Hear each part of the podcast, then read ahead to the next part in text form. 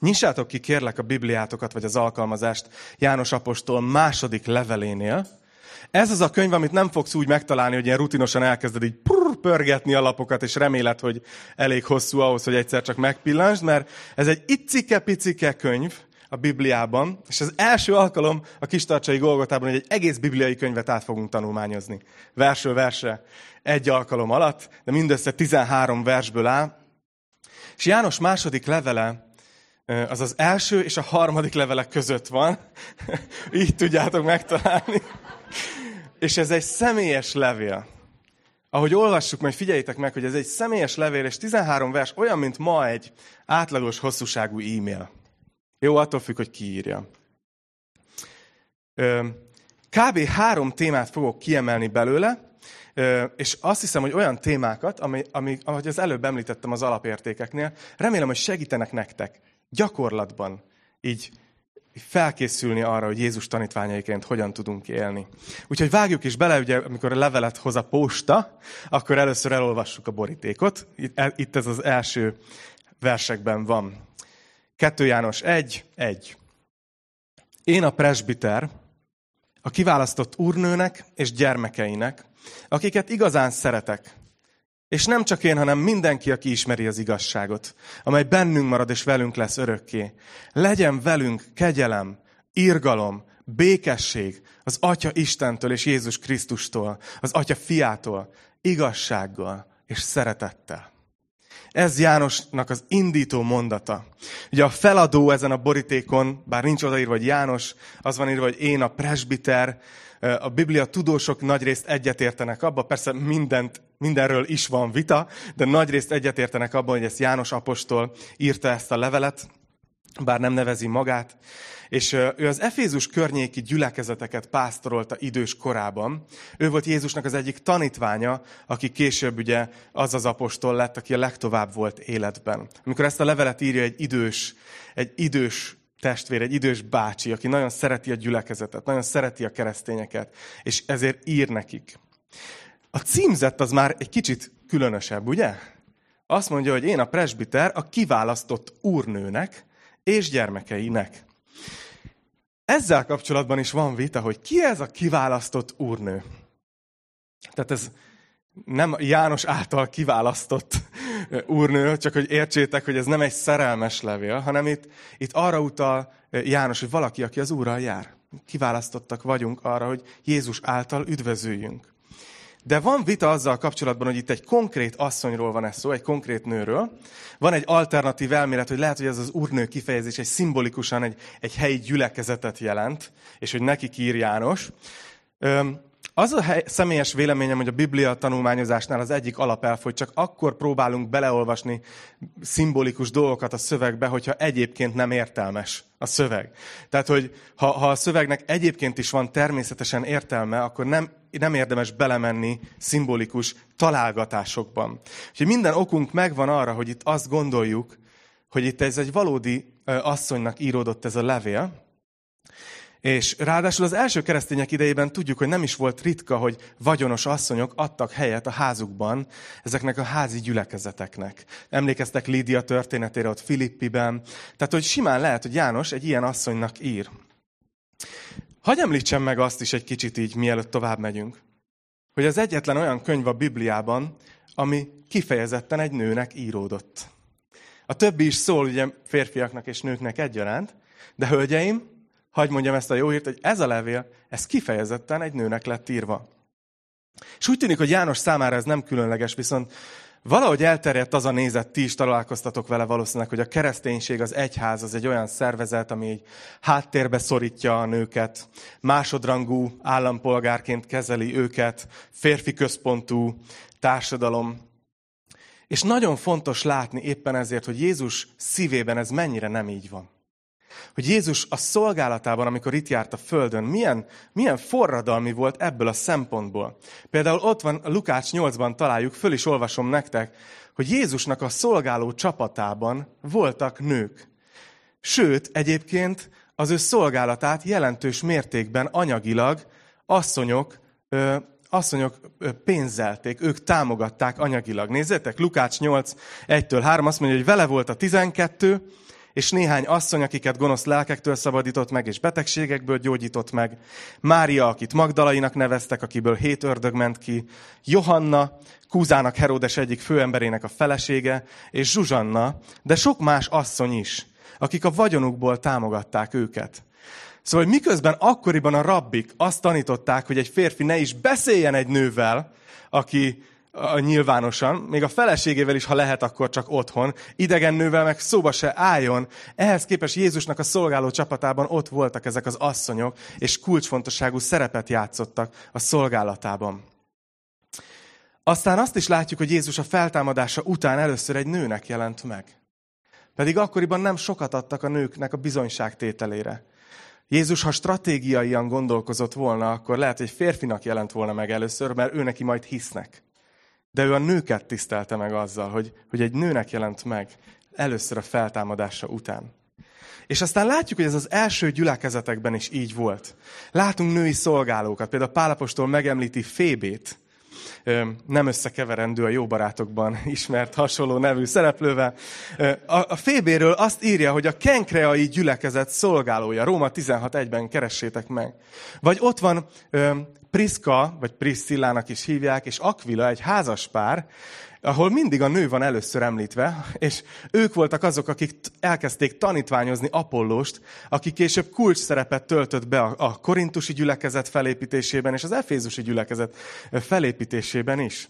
Szóval, hogy látjuk azt, hogy a nőknek kezdetektől fogva Jézus mozgalmában kiemelt fontosságú szerepe van, és ezt, és ezt szeretném, hogyha minden itt ülő személy, akinek kettessel kezdődik a személyi száma, ma szívére venni, magáévá venni, nem vagytok másodrangúak, nem vagytok kevesebbek, Istennek ugyanolyan vagy még nagyobb terve van veletek, mint a férfiakkal, és ne essetek annak áldozatul, hogyha van valaki körülöttetek, aki ezt másképp gondolja. Hanem keressétek az Urat, hogy mire hívott el titeket. Keressétek, hogy milyen ajándékot adott nektek, és használjátok az ő dicsőségére. No, vissza János leveléhez. Azt látjuk ebben a levélben, hogy János apostol, aki itt már egy idős bácsi, Jézus utolsó életbe lévő szemtanúja, aki nagy tiszteletnek örvendett a tanítványok körében, levelet írt egy asszonynak, és talán segíteni fog nektek, szóval ne vegyétek blasfémiának, nem akarom hozzátenni az igéhez. A megértést könnyítendő. Képzeljétek el, hogy egy Júlia nevű nőnek ír. Jó, kiválasztottam egy nevet így találomra. Tehát ő neki ír, akinél vagy volt egy házi gyülekezet, vagy valamilyen módon befolyása volt más tanítványokra és eseményekre, és ír neki egy, egy személyes levelet. És felmerül a kérdés, hogy miért? Miért írja ezt a levelet? És nézzétek, ezt olvassuk a negyedik versben. Nagyon örültem, hogy találtam a gyermekeit között olyanokat, akik az igazságban járnak. Úgy, ahogyan parancsolatot kaptunk erre az atyától. Szóval az apropó, ami miatt János ír, hogy egyszerűen összefutott ennek az asszonynak néhány gyermekével, tehát valószínűleg itt egy idősebb asszonyról van szó, Júlia már egy, egy idősebb asszony, akinek felnőtt gyermekei vannak, és János apostol összefut néhányan, néhányan a gyerekei közül, és látja, hogy ragaszkodnak az igazsághoz. Egy ilyen időszakban, amikor terjed ez a tévtanítás, ez a doketista tévtanítás, amiről tanulmányoztuk részletesen az egy Jánosban, hogy mi ez az archívumban megtaláljátok, és ahogy így találkozik velük, és látja, hogy ezek a, ezek a, ezek a gyerekek, ezek erősek a hitben, ragaszkodnak az igazsághoz, így János szíve felvidul, és úgy dönt, hogy ezt nem tartja meg, hanem ő leír egy levelet ennek az asszonynak, hogy, hogy bátorítsa őt, hogy örül ennek. És elgondolkoztam ezen, hogy milyen jó látni, nem, hogy János apostolnak ilyen bátorító szíve volt. Én úgy szeretném ezt tőlem megtanulni. Mi hajlamosak vagyunk arra, én is, hogy, hogy azt tesszük szóvá, ami nem tetszik. ami, ami nem jó, igaz? Ö, és ez mindenhol az életben így van. Vannak, akik amellett érvelnek, hogy Kelet-Európában ez még inkább így van. Vannak, akik amellett érvelnek, hogy mikor átállítjuk az órát téli időszakra, akkor még inkább negatívak tudunk lenni, és ráadásul közeleg a tél. És hogy látjátok, hogy, hogy az van, hogy szükséges, hogy meglássuk a pozitívat is, és bátorítsuk egymást. János ezt teszi itt a gyülekezetben. Itt a gyülekezetben is fontos egyébként. Én is észrevettem magamon, hogy részt veszek egy Isten tiszteleten, és lehet, hogy teljesen jó volt a dicsőítést, átéltem, a tanítás jó volt, de mondjuk valami, valami nem tetszett, és valahogy az marad bennem. Fodor Zoli mesélte el, nem kértem tőle engedélyt, majd, majd utólag kérek bocsánatot, hogy elmeséljem ezt a történetet. Ő mesélte ezt, hogy amikor kezdeti időben volt a, a Pesti Golgota, akkor a dicsőítéshez ilyen írásvetítőt használtak, tudjátok, amire így rátettek egy ilyen, az idősebbek bólogatnak, a fiatalok meg így, He? Szóval azt használták a dalszövegek kivetítésére, és és mondta, hogy amikor a végén elkezdett a dicsőítés után a dicsvez imádkozni, akkor aki a kivetítést csinálta, az mindig így fogta és kikapcsolta az írásvetítőt. Ha emlékeztek, ezek ilyen szovjet gépek voltak, és ilyen, ilyen nagy kapcsoló volt rajta, ilyen ekkora, amit amikor lekapcsoltak, hogy tudod, így áll. És azt mondta, hogy valaki egyszer odajött hozzá, hogy te észrevetted, hogy mindig ima közepén kapcsolja ki az írásvetítőt az, a, az az ember. És azt mondta az Zoli, hogy neki addig ez föl se tűnt. De onnantól minden egyes dicsőítés után. Miért nem lehet megvárni az ima végét? Szóval látjátok, felelősségünk van abban, hogy ki is emeljük, amit jónak látunk. Ki is emeljük, amikor valaki jól csinál valamit a gyűliben. És egyébként nem csak a gyűliben. Én gondolkozom ezen, hogy hány házasságban ez segítene. Hány párkapcsolatban, hány barátságban segítene ez. Talán tudjátok, hogy évekkel ezelőtt kijött ez a film, meg könyv is, a, a, a tűzálló, talán így hívták, ugye egy tönkrement házasságról szól, ahol a, a férfit bátorítja egy idős mentor, hogy adjon egy utolsó esélyt a házasságának, és ad neki egy 40 napos kihívást. Minden napra egy feladatot. És azt mondja, hogy ha ezt betartod, akkor van esélyed, hogy megmentsd a házasságodat. És nem tudom, hogy emlékeztek, hogy az első nap feladata az az volt, hogy csak ne mondj semmi negatívat. Amikor bajba vagyunk, akkor már ez nagy előrelépés, ha csak megállod, hogy nem kötsz bele egy napig semmibe. És aztán a, a második nap, hogy vár, tegyél valami váratlan kedvességet a, feleségednek. A hetedik napon, hogy írd össze az összes pozitív tulajdonságát, ami csak eszedbe jut. Reméljük túljutsz a kezeden, tudod. És minden nap dobj egyet be váratlanul. És a, az egésznek a filozófiája az az, hogy nekünk kell a bátorítás embereknek. Ha tudjuk egymást bátorítani, azzal egymásnak szárnyakat tudunk adni. A házasságban is, a barátságukban is, itt a gyülekezetben is. Szóval ez a, ez a másik téma, amit szerettem volna ki kiemelni belőle. És most viszont olyan gondolatok jönnek, ahogy megyünk tovább az ötödiktől a nyolcadik versig, amelyek nagyon ismerősek lesznek János első leveléből. Ebben a levélben, ahogy mondtam, 13 vers van összesen, ebből 8 a szinte szóról szóra megegyezik a korábbi levélnek bizonyos verseivel. Szóval János itt, itt valószínűleg ezek a gondolatok foglalkoztatták őt ebben az időszakban, és, és ezért erről ír akkor is, hogyha egy gyülekezetnek ír, akkor is, ha valaki másnak ír, mert ezek foglalkoztatják, és ő maga is beismeri, nézzétek. Azt mondja, hogy nem úgy kérlek téged, úrnőm, mintha új parancsot írnék neked. Sőt, azt írom, ami kezdettől fogva miénk volt, hogy szeressük egymást. Ez a szeretet pedig azt jelenti, hogy az ő parancsolatai szerint élünk. Ez a parancsolat viszont az, amelyet kezdettől fogva hallottátok, hogy azt szerint kell élnetek. Mert sok hitető jött el a világba, akik nem vallják, hogy Jézus Krisztus testben jött el. Ez a hitető és az antikrisztus. Vigyázzatok magatokra, hogy ne veszítsétek el, amit elértünk a munkánkkal, hanem teljes jutalmat kapjatok. Ugye ezek nagyon ismerős gondolatok. János egy olyan időszakban él, amikor a gyülekezetben elkezdett terjedni ez a doketista tévtanítás, voltak, akik a gyülekezet részei voltak ezek a tanítók, de egy ponton elkezdték Jézust nagyon más megvilágításban bemutatni, elkezdtek arról beszélni, hogy ő nem is volt igazi húsvér ember, ő nem is az volt, akinek mondta magát, tehát elkezdtek egy tévtanítást terjeszteni, és Jánosnak a szívében ott volt, hogy ő szeretné a gyülekezetet megvédeni ettől a tévtanítástól. És, és ezért hangsúlyozza ezeket a gondolatokat például, hogy, hogy szeressük egymást. Mert ezek a tévtanítók elkezdtek ilyen felsőbbrendűen viselkedni, és azt mondani, hát ezek a egyszerű régi ívású hívők, ezek nem tudják azokat a nagy gondolatokat, amiket mi tudunk, és, és lenézték őket, és széthúzás volt, meg lenézés a gyülekezetben. És ezért János hívja vissza a figyelmüket, hogy az a parancsolat, hogy szeressük egymást. És hogy arról tudjuk, hogy szeretjük egymást, és az ő parancsolatait él, parancsolatai szerint élünk, hogy, hogy megtartjuk ezeket a dolgokat, amit Isten ránk bízott. És láttuk az egy Jánosban, hogy ki is fejtette ezt, hogy ez a parancsolat, amit nekünk parancsol, az annyi, hogy, hogy higgyünk Jézus Krisztusba, és szeressük egymást. Ebben foglalta össze János apostol. Szóval eddig egy, ez egy ismerős gondolatcsomag, ezekről ír János ennek az asszonynak. De itt viszont jön egy-két gyakorlatias tanács, hogy hogyan tudunk a gyakorlatban megállni, amikor ilyen kihívások érik a hitünket. Szóval, ahogy mondom, ez két nagyon gyakorlatias téma lesz, és egyébként egy picit nehéz is. De kell ez nekünk. Azt mondja a kilencedik verstől. Aki nem marad meg Krisztus tanításában, hanem azon túllép, annak nincs Istene. Aki megmarad a tanításban, azé az atya és a fiú. Ha valaki hozzátok érkezik, és nem ezt a tanítást viszi, ne fogadjátok be a házatokba, és ne is köszöntsétek. Mert aki köszönti, közösséget vállal annak gonosz cselekedeteivel. Hú, ezt nem lehetett könnyű leírni. De János mégis szükségét érzi, hogy ezt a gyakorlatias tanácsot odadja ennek az asszonynak, akinek hatása van erre a helyi házi gyülekezetre. Az első téma, hogy János rámutat itt két különböző hozzáállásra. Nézzétek meg a kilencedik versben, hogy, hogy azt mondja, hogy a tévtanítóknak a hibája az az volt, hogy ők túlléptek Jézus tanításán. Ők, ők egyszer hittek Jézusban, ők, ők hitték mindazt, amit Krisztusról tanítottak az apostolok, de utána ezen túlléptek.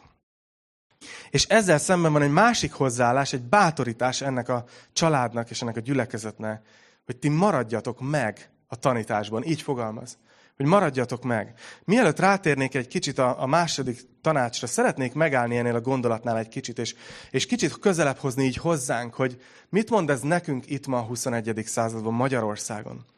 Ugye János itt egy konkrét helyzetről beszél. Akkori tévtanítók azt mondták, hogy mi is hittünk Krisztusban, de tovább tanultunk. Mi tovább léptünk ezen, most már többet tudunk. És János azt mondja az els, a, ennek az asszonynak, hogy lehet, hogy ez jól hangzik, ahogy beszélnek róla, de ez nem oké. Okay. Maradjatok meg a tanításban. És az első keresztényeknél látjuk ezt, emlékeztek, amikor tanulmányoztuk az Abcsel 2.42-t, hogy hogy nézett ki az első gyülekezet élete. Ő azt mondta, hogy kitartóan részt vettek négy dologban. Az apostoli tanításban, az imádkozásban, a közösségben és a kenyér megtörésében.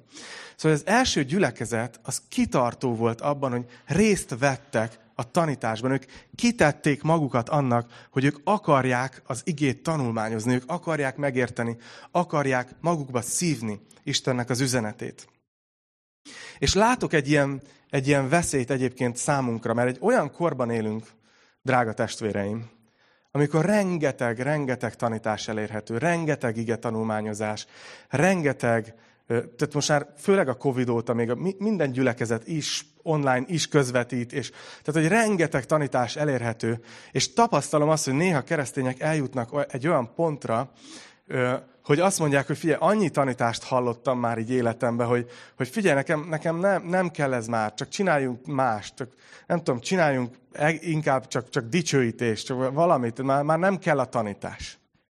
És ezt nem azért mondom nektek, mert, mert én arra vagyok elhívva, hogy tanítsam Isten igéjét, és tudod, hogyha kalapács van nálad, akkor mindent szögnek nézel. De ez egy nagyon veszélyes dolog. Mert én a magam életében tapasztalom, nem tudom, hogy tudjátok-e, de hogy én is a heti ritmusom része, hogy minden héten meghallgatok valaki mást, és tan- tanutást hallgatok. Azért, mert érzem, hogy szükségem van arra. Nem, nem feltétlenül azért, mert az illető valami hatalmas új gondolatot fog mondani. Nem azért, mert ó, ezt még soha nem hallottam mostanra legtöbb tanítással úgy vagyok, hogy általában meg tudom satszolni, hogy mi lesz mostantól a harmadik mondat. De mégis szükségem van rá, mert, mert a helyemen tart. Megtart ott, hogy ne sodródjak el, megtart Krisztusban. És ezért nagyon fontos, amit itt János is ta- tanít ennek az asszonynak, hogy maradjatok meg a tanításban. Ne kezdjetek valami új elméletek felé menni. Ne kezdjetek valami valami, ami érdekes, és ezért jobban beindítja az agyatokat, mint amit mindig is hallottatok, hanem maradjatok meg ebben a dologban. De aztán van itt egy másik téma is ennek kapcsán, amivel nap mint nap szembenézünk ma is itt Magyarországon. És ez az igazság témája. Látjátok, hogy János hányszor megemlítette ezt a szót? Nem tudom, hogy valakinek feltűnte. Az első versben azt mondja, hogy aki ismeri az igazságot. Aztán azt mondja, hogy legyen velünk kegyelem, irgalom, békesség, igazsággal és szeretettel. Azt mondja a negyedik versben, hogy gyermekeid, akik az igazságban járnak. Az igazságról beszél János, és nem tudom, hogy ti is érzékelitek -e ezt, hogy ez ma egy nehéz téma. Ma egy olyan világban, egy olyan kultúrában, egy olyan közegben élünk, ahol az egyik nagyon elterjedt gondolat, hogy nincs igazság. Vagy legalábbis senki nem állíthatja, hogy ő tudja az igazságot, és a másik nem az igazságot tudja. Ez biztos érzitek, ez a levegőben van. És szeretnék erről egy kicsit beszélni, mert azt hiszem, hogy ez az a felkészítés, amit szeretnék veletek ma reggel végigcsinálni, hogy tudjatok mit mondani, hogy viszonyulni ezekben a beszélgetésekben. Szeretném, hogyha értenétek, hogy miből jön ez a gondolat, és aztán néhány ilyen gyakorlati tanácsot, hogy hogyan tudunk ma Jézus tanítványainként mégis ebben a közegben élni. Úgyhogy kicsit ilyen filozófikus lesz, de tartsatok velem. Az egyik, hogy ez miből arad, e- ered. Ne, nem hegyék, most örültek ennek mondatnak, igen. Miből arad? Ez a hitvallás, ez a meggyőződés, ez egy világképből táplálkozik. Azt kell látnotok, hogy minden, amit tapasztalunk a világon, az egy világképből fakad. Egy ideológiából. Ma az uralkodó világnézet, ami, ami áthatja a kultúránkat, a zenéinket, a szokásainkat, mindent, azt úgy nevezik, hogy szekuláris humanizmus. És ne kapcsoljatok ki. Elmagyarázom nagyon egyszerűen, hogy mi ez. Ennek a világnézetnek az a lényege, hogy egyrészt Istent félretesszük, lehet, hogy tehát nem mondja még azt se, hogy nem létezik. De ha létezik is, magánügy, privátszféra, betesszük őt egy, egy mellékes dologba, és helyette az embert emeljük a gondolkozásunk középpontjába. Tehát, hogy minden az ember körül forog, az embernek van értéke. Az a nagyon érdekes a szekuláris humanizmussal kapcsolatban, hogy egyébként keresztény gyökerei vannak, mert a Biblia az, az összes többi szentkönyvvel ellentétben a világon, ami értéket tulajdonít az embernek önmagában, mert Isten képére lett teremtve. Tehát azt mondja, hogy minden ember értékes. De a szekuláris humanizmus ezt tovább viszi, és azt mondja, hogy Istenre köszönjük, nincs szükségünk, az embert helyezi a középpontba, és az észszerűséget, és néhány olyan értéket, amit így kijelölt. Együttérzés, tudományos vizsgálódás, erkölcs, igazság, egyenlőség. Talán nem is meglepőek ezek a gondolatok, mert ez tényleg az általános sulitól szívjuk magunkba.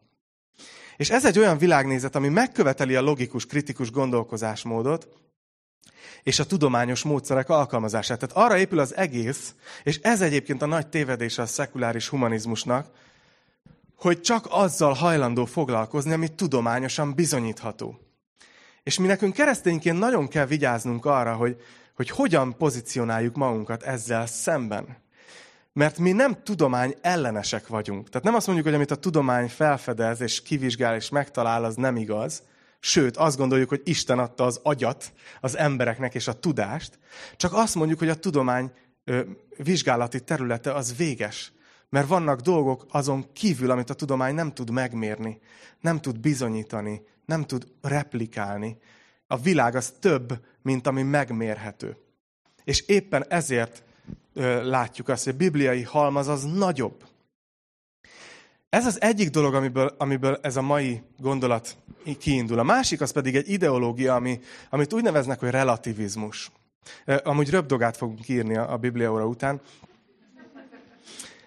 A relativizmusnak az a lényege, hogy nem létezik transzcendens igazság, nem létezik egy följebb lévő igazság, nem létezik egy egyetemes erkölcsi szabályrendszer sem. Nincs olyan, hogy valami egyértelműen jó, vagy valami egyértelműen rossz, hanem a társadalom alakítja ki közösen, hogy mi a jó és mi a rossz. Nem tudom, hogy ismerős ez valahonnan, hogy ha majd te akarod eldönteni, hogy mi a jó és mi a rossz. Ugye ismerős a sztori, ugye a Biblia első lapjáról. De ma ezt a relativista világot éljük. És gyakorlatilag az történik, hogy félrerakjuk a hagyományos etikát, félrerakjuk a bibliai értékrendet, az erkölcsöt, azt mondjuk, hogy nincs Isten, aki nekünk megmondhatná, hogy egyetemesen mi értelmes ránk, hanem kb. az a relativizmus, hogy neked is megvan a véleményed, tiszteletbe tartom, de nekem is megvan a véleményem, te is tarts tiszteletbe. Tudjátok, mi az irónia ebben? Kettő is van. Az egyik az az, hogy hogy egyetlen kérdést fel lehet tenni, ami az egész világnézetet alássa. Az egészet. Mert ugye arról szól ez a világnézet, hogy senki nem mondhatja meg, hogy mi az igazság. Senki nem tudhatja, hogy mi az igazság pontosan. És egyetlen egy kérdést kell erre feltennünk, hogy ez mennyire biztos? Mert észrevettétek, hogy miközben arról szól az állítás, hogy senki nem tudhatja, hogy mi az igazság, nincsenek abszolút állítások, közben ez egy abszolút állítás. Ez egy olyan állítás, amire azt mondja, ez mindenkire igaz a Földön. És akkor visszakérdezhet, hogy és ezt ki mondja? Látjátok, hogy ennyire instabil lábakon áll.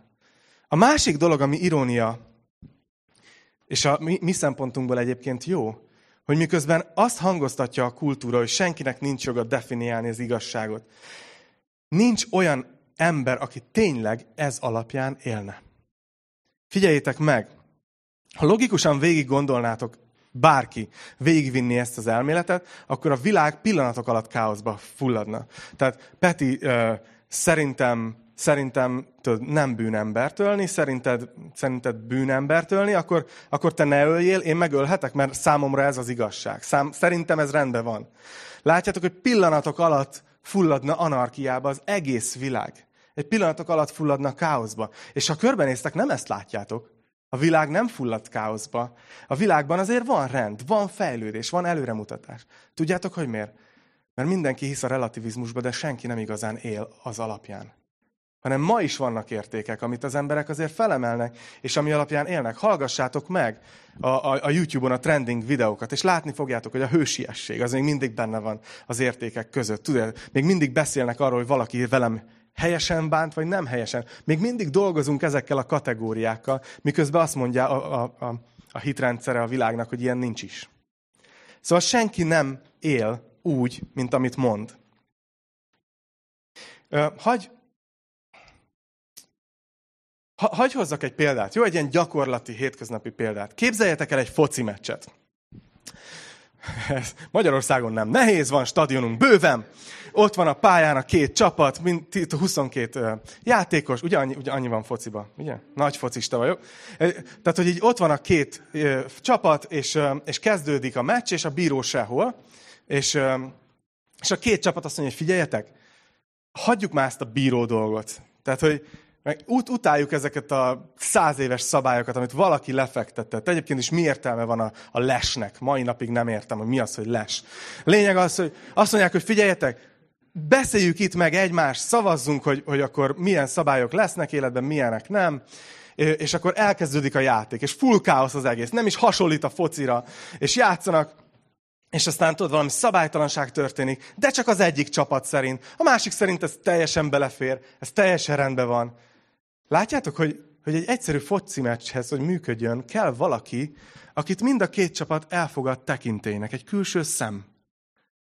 Egy szabályrendszernek és egy külső szemnek, aki azt mondja, hogy ez les volt, ez nem volt les.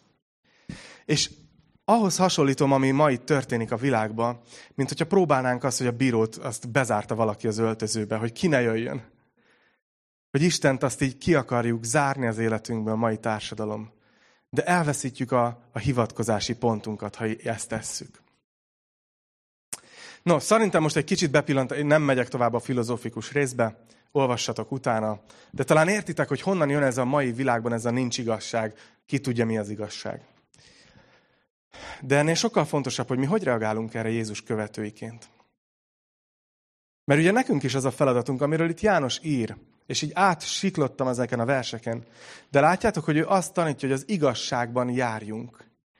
Hogyan tudunk mi ma Jézus tanítványaiként az igazság mellett kiállni, az igazságért kell-e egyáltalán mindig kiállnunk?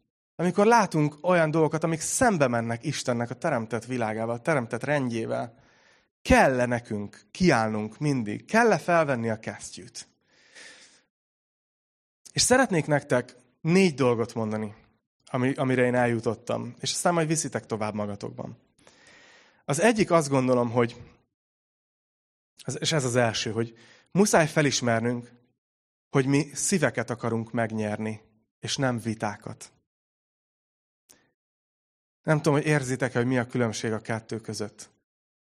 Én nem tudom, hogy láttatok-e már olyan embert, akit egy ilyen hepciáskodó kereszténynek a viselkedése megtérésre indított. hogy az a, kiállt volna valaki egy gyülekezet elé, és bizonyságot tett arra, hogy valaki olyan mérgesen bebizonyította, hogy én mennyire gáz vagyok, és Bibliával jól fejbevert, hogy hát meg kellett térnem. Nem fogsz ilyet hallani. És ezért nagyon fontos látni, hogy mi, mi nekünk a fókuszunk az nem az, hogy, hogy Istennek ilyen igazság kommandójaként éljünk a világban, és bármilyen eszközzel érvényt szerezzünk az Isten igazságnak. Higgyétek el, hogy Isten elég nagy, és elég erős. Elég sok eszköztára van. Pontosan arra fogja tudni vinni a történelmet, amerre szeretné. Nem azt jelenti, hogy nincs felelősségünk, de a mi feladatunk, amit ránk bízott Jézus, azt mondta, hogy menjetek el, és tegyetek tanítványá minden népet. Nekünk az a feladatunk, hogy az emberek szívét segítsük Isten felé fordulni. És persze a Szentlélek, aki ezt végzi, mi, mi ott vagyunk mellette. De nagyon fontos, hogy mi ne a Szentlélekkel ellentétbe dolgozzunk. Ott van a Szentlélek valakinek a szívénél, és próbálja meggyőzni. Próbálja vinni Istenhez közelebb. Te meg jössz, és azt mondod, hogy bűnös!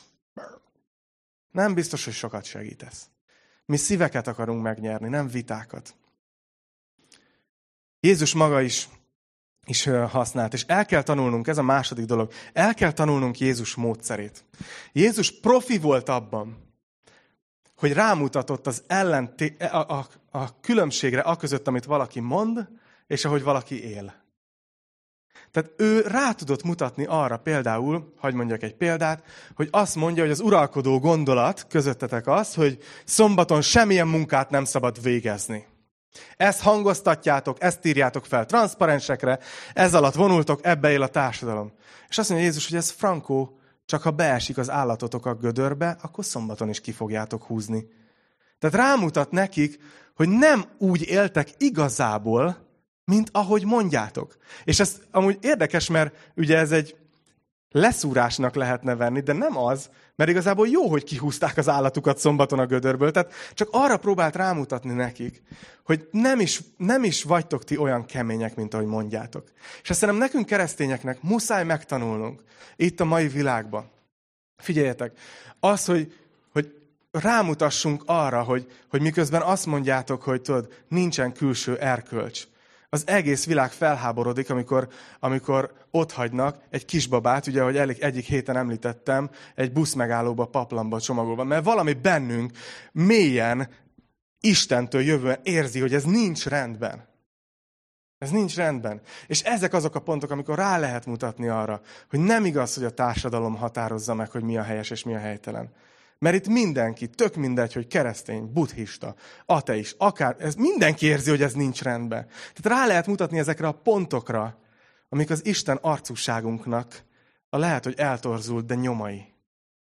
És ehhez, drága testvéreim, az kell, hogy foglalkozzunk a mai kultúrával. Az a keresztény, aki fejét a homokba dugja, és nem is hajlandó semmit hallgatni, nézni, sehova menni, ami nem keresztény az nem fogja tudni, hogy hogy mutasson rá ezekre a dolgokra. Ezekre a jó dolgokra, amik ott vannak a kultúrában, és ki lehet emelni. Nézzétek, erről beszélek. Ez az, ami bizonyítja, hogy van Isten. Muszáj ismernünk a kultúrát, és megtanulnunk ezt Jézustól. A harmadik dolog, hogy mind emellett, amit mondtam, azért bátran kiállhatunk amellett egyébként, hogy a mi világnézetünk, a mi világképünk, az bizony Isten központú.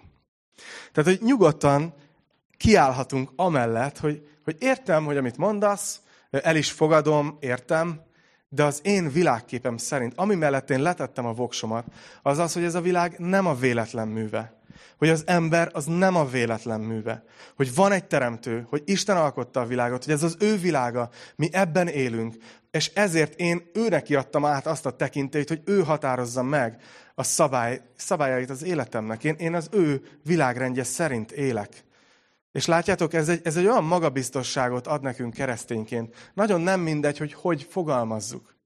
Nagyon nem mindegy, hogy ezt úgy fogalmazzuk meg, hogy magamra nézve én így élek, vagy ezt úgy fogalmazom meg, hogy a másik egyből ítéletet érezzen ebből. És higgyétek, hogy meg lehet úgy fogalmazni, hogy a másik ne ítéletet érezzen, csak az jusson át neki, hogy te hoztál egy döntést, hogy te Isten szerint, az Isten igazságát fogadod el abszolút igazságnak, és te abban élsz, és így vezeted mondjuk a családodat, így hozod meg a döntéseidet. És a negyedik dolog, hogy mindemellett azt hiszem, hogy ez az a hozzáállás, ami, ami miatt igazán toleránsak tudunk lenni. Nem tudom, hogy észrevettétek-e, hogy ma egy nagyon nagy hívószó ez a tolerancia. Mindent toleráljunk, mindent fogadjunk el. És egyébként ez is bibliai gyökerű alapérték, amit szépen átvett a szekuláris humanizmus és a liberalizmus és, és a kereszténységből származik. Mert az a helyzet, hogy, hogy akkor tudsz igazán toleráns lenni, ha te rendben vagy belül.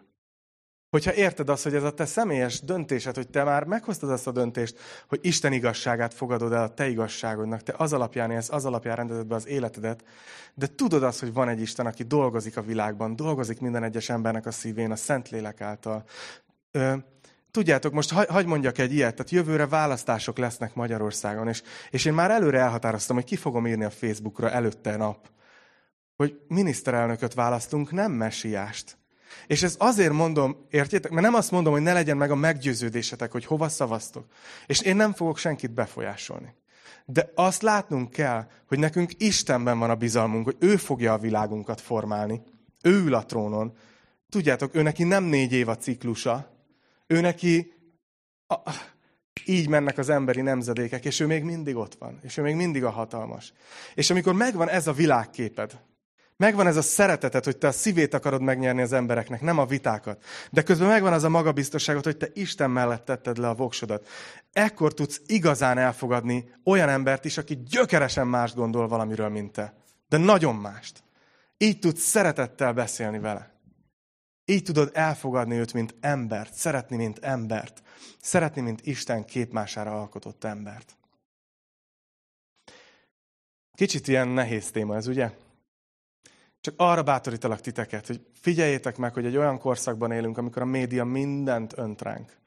És a nagy része annak, amit bármelyik jobbról, balról, bármit olvastok, a legtöbbi annak gumicsont, amit nagyon tudatosan valaki odadob, hogy az emberek ráugorjanak, és elkezdjenek rajta csámcsogni. Mi ne legyünk ezek. Ne szálljunk bele olyan vitába, amit meg se akarunk nyerni. hanem menjünk és szeressük az embereket. No, Másik gyakorlatias tanács, és itt Jánosnak a szavai, és Gergő megnézte az óráját, úgyhogy igyekszem a vége felé közelíteni. Azt mondja János ennek az asszonynak, ugye ennek a gyülekezetnek, ahol szintén szembenéztek ezzel, hogy mit kezdjenek ezzel, hogy terjednek téves dolgok, terjednek hamis dolgok. Azt mondja, hogy ha valaki hozzátok érkezik, és ezt a tanítást viszi, ezt a dokátista cuccost, akkor ne fogadjátok be a házatokba, és ne is köszöntsétek, hogy ne vállaljatok közösséget azzal, amit képvisel. Mert ezek nehéz versek, ugye? Nem ellentmond az mindannak, amit ma eddig mondtam? Szerintem nem.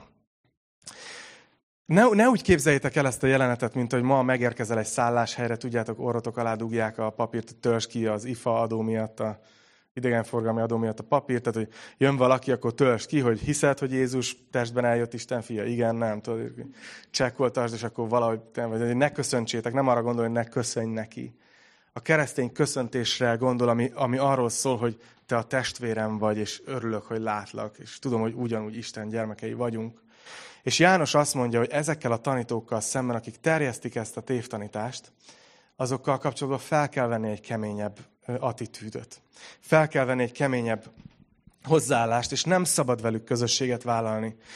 És hogy csak értsétek, hogy miért mondja ezt, hogy be se fogadjátok a házatokban. Mai időben ezt nagyon, vannak olyan csoportok, mindig voltak a történelem során olyan csoportok, akik azt gondolják, hogy náluk az igazság, és hogy ez a vers ez kifejezetten nekik írta János 2000 évvel ezelőttről, és mindenki más, aki nem úgy gondolja, mint ők, tud be se engedik a házukba, meg, meg elfordítják a fejüket, hogy nem köszönnek, mert azt írja, hogy ne köszöntsétek, tudod. De nem erről szól, hanem abban az időben a, a, a, az utazás az egy nagyon kihívásos dolog volt, főleg azért, mert az ilyen útmenti fogadók, meg, meg ilyen szálláshelyek, azok, azok híresen erkölcstelen helyek voltak, és ilyen nagyon-nagyon gázos helyek.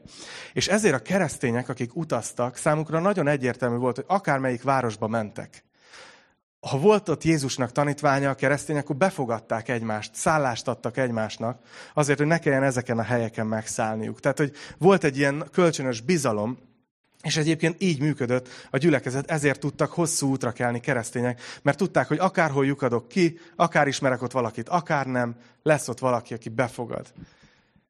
Csak az volt a baj, hogy ezek a tévtanítók, akik már a Jézusról szóló tanítást próbálták lebontani, ők is kihasználták ezt.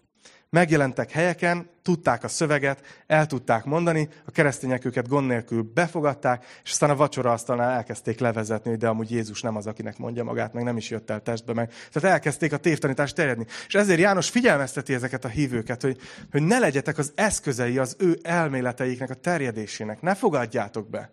Ne köszöntsétek őket testvérként a gyülekezetben. Ö, ne legyél eszköze az üzenetük terjedésével. Szóval az a helyzet, és Eliánnal beszélgettünk itt reggel az alkalom előtt erről, hogy, hogy, hogy ez, ez ma is egy, egy, létező, egy létező dolog. Figyeljetek, ma is vannak olyan, olyan csoportok, akik, akik teljesen más tanítanak Jézusról, mint amit akár az első keresztény hitvallások, a, a, a keresztényeknek a 2000 éves hite. Ma is vannak olyan csoportok, ahol, ahol azt mondják például, hogy Jézus az nem is, nem is egyenlő az atyával. Hogy ő nem a testben eljött Isten fia, hanem ő legfeljebb egy testé vált angyal. És mondanak rengetegféle elméletet. És nagyon meg kell húznunk a határt. Hogy én nem fogok egy olyan embert ide beengedni, és ide fölállítani a pulpitusra, hogy tanítson titeket, aki, aki ennyire másként gondolkozik Jézusról. De de azt is szeretném hozzátenni, hogy viszont vigyáznunk kell ezzel a mai világban, mai korban. Nem sok keresztény van, akik olyanok, mint valami túlérzékeny füstjelző.